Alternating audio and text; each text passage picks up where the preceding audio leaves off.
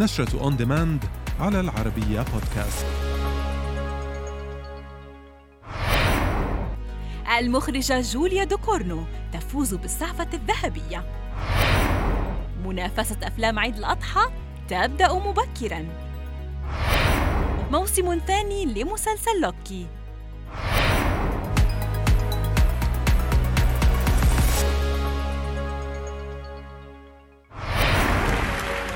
اختتم مهرجان كان السينمائي دورته الرابعة والسبعين بإعلان جوائزه.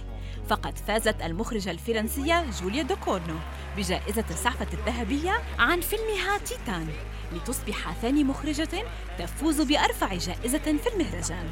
وحصل فيلم أهيرو للمخرج الإيراني أصغر فرهادي على الجائزة الكبرى وهي ثاني أهم جائزة في المهرجان بعد السعفة الذهبية. وفاز الممثل الأمريكي. كالب لاندري جونز بجائزة أفضل ممثل لدوره في فيلم نيترام كما حصلت الممثلة النرويجية رينيت رينسفي على جائزة أفضل ممثلة لدورها في فيلم The Worst Person in the World. Oh, and I, I have to say, I have to say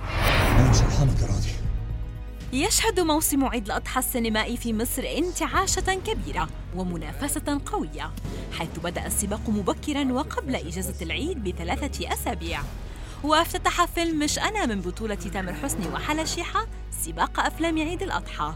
حيث تم طرحه في صالات السينما في الثالث والعشرين من يونيو الماضي. وتسببت أزمة الفنانة حالة شيحة مع تامر حسني في رفع أسهم الفيلم بشباك التذاكر لما أثير حول عدم رضاها عن مشاهدها بالفيلم. وطرح الفنان أحمد عز فيلمه المؤجل لعامين العارف عودة يونس. ويوم الرابع عشر من الأسبوع الماضي ويشارك الفنان أحمد عز بطولة الفيلم أحمد فهمي ومحمود حميدة. ويستعد الفنان محمد هنيدي لطرح فيلمه الإنس والنمس في الرابع من أغسطس القادم. وذلك بعد تأجيلات عدة على الرغم من انتهاء الفيلم. ويشارك هنيدي بطولة الفيلم منى شلبي وبيومي فؤاد.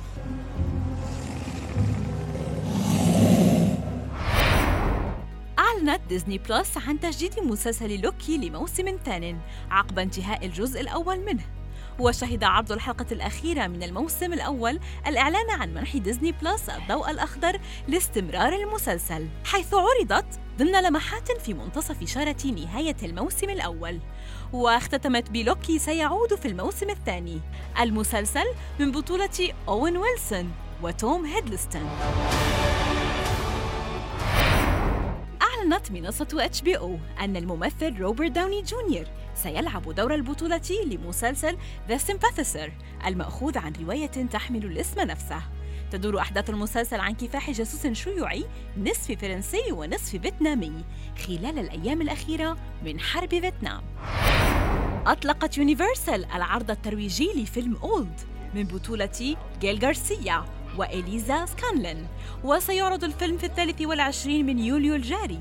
وتدور أحداث الفيلم حول مجموعة من الأصدقاء وعائلاتهم يذهبون لقضاء العطلة على أحد الشواطئ المنعزلة ليجدوا أنفسهم يتقدمون بالعمر بشكل كبير.